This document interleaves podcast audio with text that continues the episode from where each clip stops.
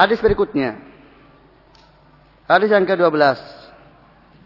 Wa Nabi Hurairah radhiyallahu an Ani Nabi sallallahu alaihi wasallam qaal min husni islamil mar'i tarkuhu ma la ya'nihi. Hadisun hasan rawahu Tirmidzi wa ghairuh wa hakadha.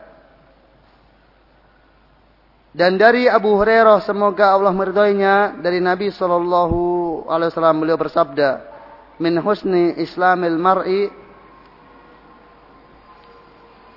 termasuk bukti kebagusan Islam seseorang tarkuhu ma la yakni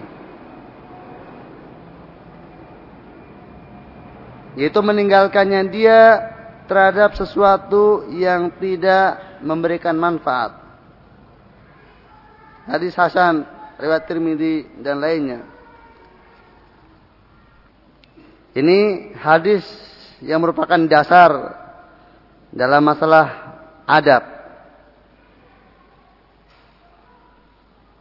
Jadi barang siapa yang betul-betul melaksanakan hadis ini, maka dia orang yang sangat beradab.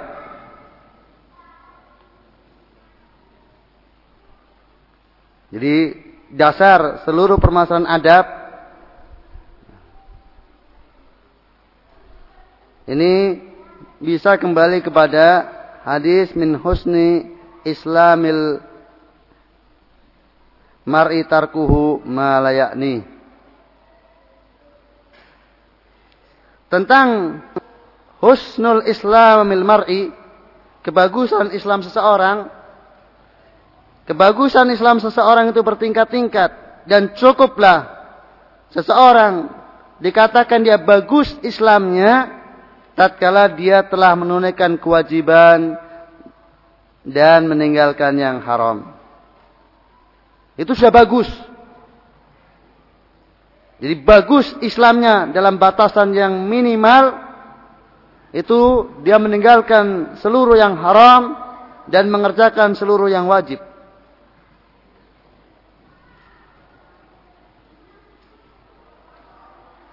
Setelah itu, setelah dalam batasan minimal untuk mencapai derajat kebagusan Islam, maka untuk sampai kepada puncaknya, puncak kebagusan Islam seseorang, yaitu sebagaimana tersebut dalam hadis Umar bin Khattab, hadis Jibril, maka manusia bertingkat-tingkat. Jadi puncaknya sampai tataran makom muraqabah atau makom musyahadah. Makom muraqabah itu dalam setiap aktivitasnya senantiasa merasa diawasi oleh Allah taala, maka kemudian kalau dia tidak akan mengerjakan yang haram dan tidak akan meninggalkan yang wajib dan kalau mengerjakan hal-hal yang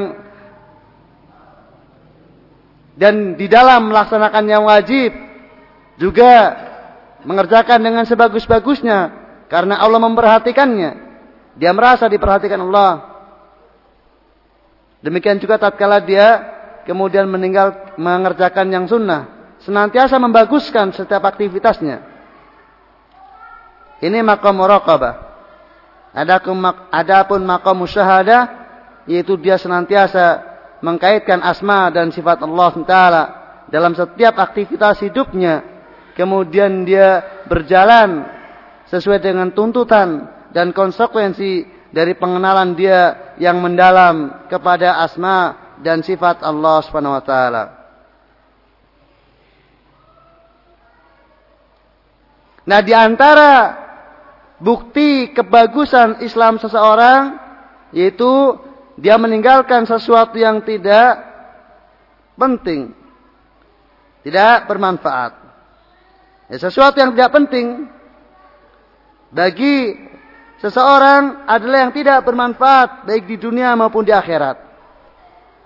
Ya, sesuatunya tersebut tidak memberikan manfaat bagi dia untuk dunianya maupun untuk akhiratnya.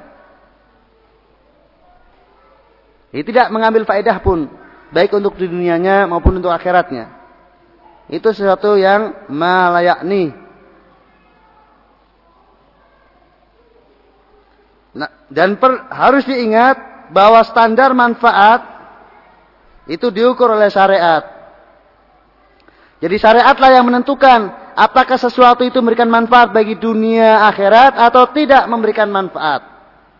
Bukan berdasarkan standar selera. Artinya kepuasan.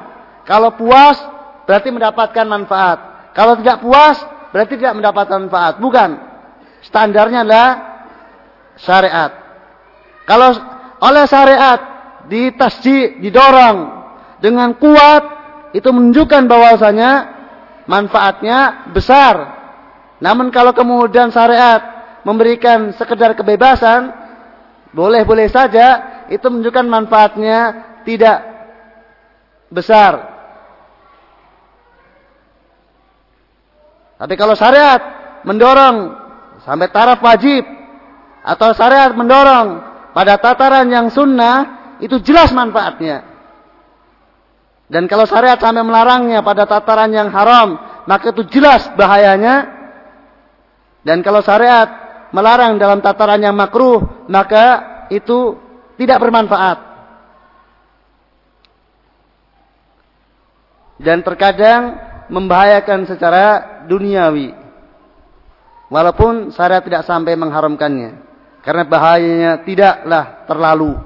Membahayakan tapi tidak terlalu. Adapun perkara yang mubah itu tergantung. Kalau kemudian mengantarkan kepada yang bermanfaat maka bermanfaat, kalau kepada mengantarkan yang bermandarat maka bermandarat.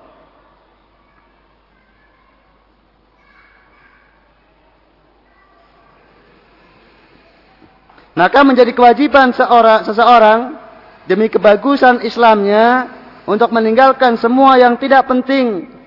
Karena semua aktivitas hamba akan dicatat dan celakalah seseorang yang memenuhi catatannya dengan sesuatu yang tidak penting. Termasuk di dalamnya adalah semua bentuk kemaksiatan. Jelas bentuk semua bentuk kemaksiatan bukan saja tidak bermanfaat, justru membahayakan.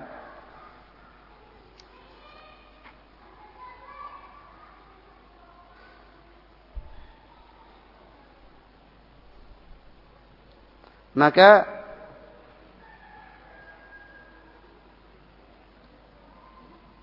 ingatlah tentang hadis ini yang menunjukkan kebagusan seorang meninggalkan sesuatu yang tidak ada manfaatnya.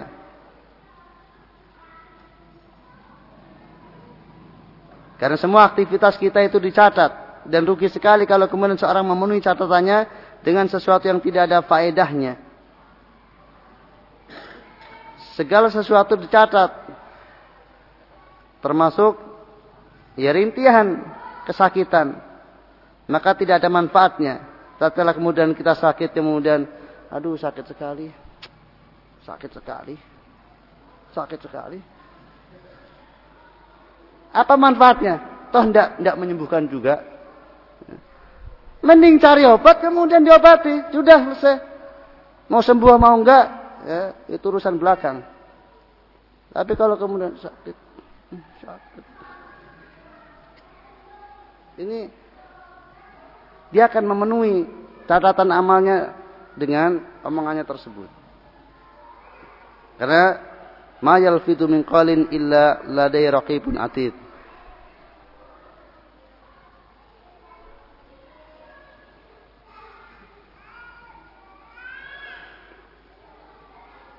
Jadi setiap yang dilafatkan oleh orang itu tercatat. Maka ikhwah fiddin yakum di tangan kalian secara umum banyak perkara yang membuat antum terseret untuk tidak melaksanakan hadis ini. Waktu-waktu kosong sementara kalian megang HP, maka itu kesempatan yang sangat luas untuk melakukan yang sesuatu yang tidak bermanfaat, bermanfaat. Karena tinggal pilih mau permainan model apa ada sini.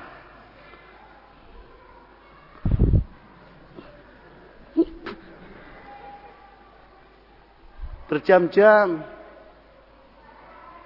umat menanti dakwah, menanti penyebaran ilmu. Kalau nggak mau berdakwah ya belajar, tanggung jawab kuliah, duit dari orang tua dikirim untuk kemudian kamu belajar. Sementara waktunya dipakai untuk main game. Atau kemudian nonton bola semalam suntuk. Kalau untuk sholat malam, hatta disiram air pun tidak bangun. Tapi begitu giliran Juventus lawan Parma maka langsung bangun. Bahkan nyiapkan bel. Jam bekernya dipasang. Pukul 01.00 dipasang. Demi apa menonton bola. Itu realita. Menunjukkan bahwasanya kebanyakan manusia tidak melaksanakan nasihat Rasulullah sallallahu alaihi wasallam, tidak membuktikan tentang kebagusan Islamnya. Min husni Islamul mar Islamil mar'i tarkuhu ma. Bahkan luar biasa memang.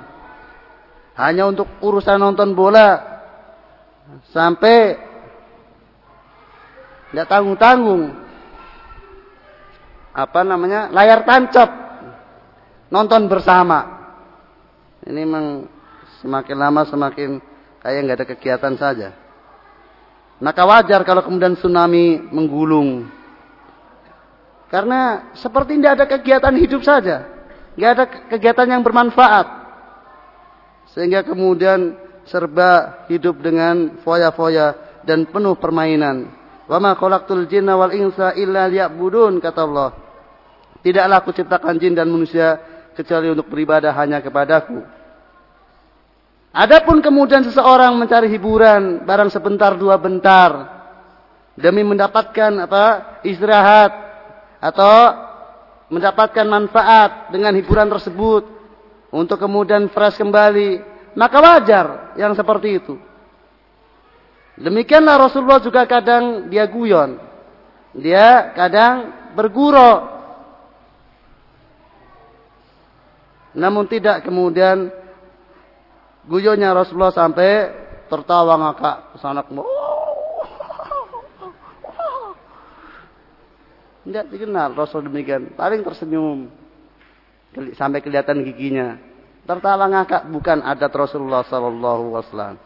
Karena nggak ada manfaatnya. Jadi coba perhatikan dalam kehidupan kita. Makanya sebagaimana sudah saya sampaikan di awal perjumpaan kita bahwasanya hadis Arba'in An-Nawawiyah ini adalah merupakan hadis-hadis usul yang barang siapa orang mau betul-betul mempelajari dan mendalami apa yang tertera pelajaran yang terdapat dalam hadis-hadis dalam Arba'in Nawawiyah, maka jelas otomatis bagus Islamnya.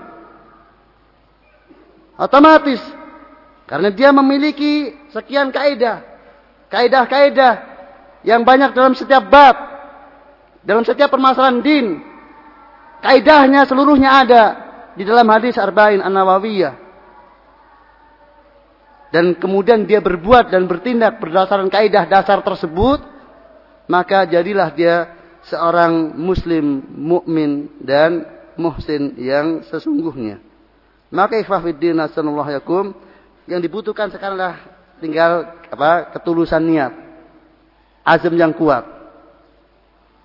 Dan Syaikhul Islam Tamiyah rahimahullah irodah yang kuat, yang jazimah, kehendak yang jazimah itu kalau kemudian sarana dan prasarana ada, mesti terlaksana. Maka kalau kemudian kita punya angan-angan, saya sih ingin jadi muslim yang bagus. Kok sarana dan prasarana ada, kok tidak terpenuhi, berarti itu irodahnya tidak jazimah. Irodahnya tidak kuat. Dan seseorang yang memiliki irodah, memiliki keinginan yang sangat kuat. Maka seandainya, karena memang tidak ada sarana dan prasarana, sehingga terwujudnya perbuatan yang menjadi kehendaknya tersebut dia mendapatkan pahala seperti orang yang melakukannya. Bukankah ada firman Allah Taala yang menyatakan bahwasanya apa orang-orang yang tertinggal dari jihad sementara dia di Madinah. Jadi setiap yang berjihad dia naik lem, apa naik gunung, turun lembah, kemudian setiap kecapean yang dialami olehnya, mereka yang tertinggal di Madinah mendapatkan apa? Pahala. Kutiba lahum amalun soleh.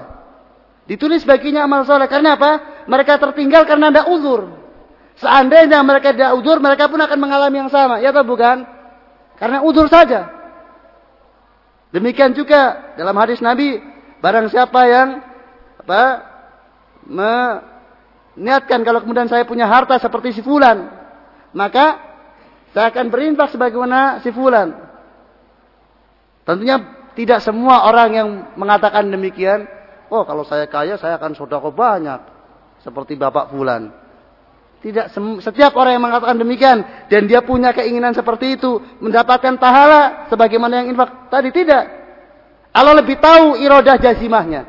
Artinya orang ini kalau kemudian betul-betul Allah takdirkan dia mendapatkan harta yang dimiliki oleh si fulan tersebut, pasti dia akan berbuat sebagaimana si fulan tersebut maka dia akan mendapatkan pahala yang sama sebagaimana si fulan yang berharta. Namun betapa banyak orang yang mengatakan dengan lesannya dan secara hatinya juga ada keinginan, tapi tatkala kemudian dia dapatkan justru sebaliknya. Ini menunjukkan bahwasanya irodahnya tidak jazimah. Maka ikhwah fiddin yakum mempertebal tekad, mempertebal azam, betul-betul ingin bertakwa kepada Allah Taala dan setiap kesempatan yang kemudian Allah berikan kemudian diambil. Maka kalau kemudian suatu saat kita tidak dapat kesempatan untuk melaksanakan ketakwaan karena terbatasnya sarana dan prasarana akan mendapatkan pahala yang sama. Coba, bukankah kemurahan dari Allah SWT yang luar biasa bagi kita semuanya? Jadi dengan keimanan yang jujur, tekad yang jujur, bukti tekad yang jujur. Jadi buktinya yaitu tatkala ada sarana dan prasarana demi terwujudnya tekad tersebut dan mesti terlaksana, itu bukti. Bahwa memang dia jujur dalam setiap tekadnya. Namun kemudian datang kesempatan kayaknya masih ada waktu lagi nanti. Kayaknya bulan depan ada ya ini ya? Oh ada. Ya saya yang bulan depan saja lah. Bulan depan datang lagi, oh, katanya tahun depan juga ada. Ya sudah saya yang tahun depan. Saya azim kalau tahun depan udah. Pokoknya tahun depan, tahun depan. Dan betapa banyak orang yang demikian. Dan silakan coba dan buktikan. Kalau setiap ada kesempatan kebaikan, kemudian antum ambil. Setiap ada kesempatan kebaikan antum ambil maka begitu banyak peluang-peluang kebaikan dan ternyata tanpa diduga-duga peluang kebaikan begitu terbuka lebar dengan catatan tadi. Jadi memiliki irodan dan azimah yang sangat kuat. Sehingga setiap ada kesempatan dan dia diberi kelonggaran oleh Allah bisa untuk melakukan dia ambil maka tanpa diduga-duga dia diberi kesempatan yang tidak diduga oleh sebelumnya tidak terbayang sebelumnya bahwasanya dia akan mendapatkan kebaikan demikian. Silakan buktikan kalau tidak percaya. Karena Allah Taala senantiasa memudahkan orang yang menuju kepadanya.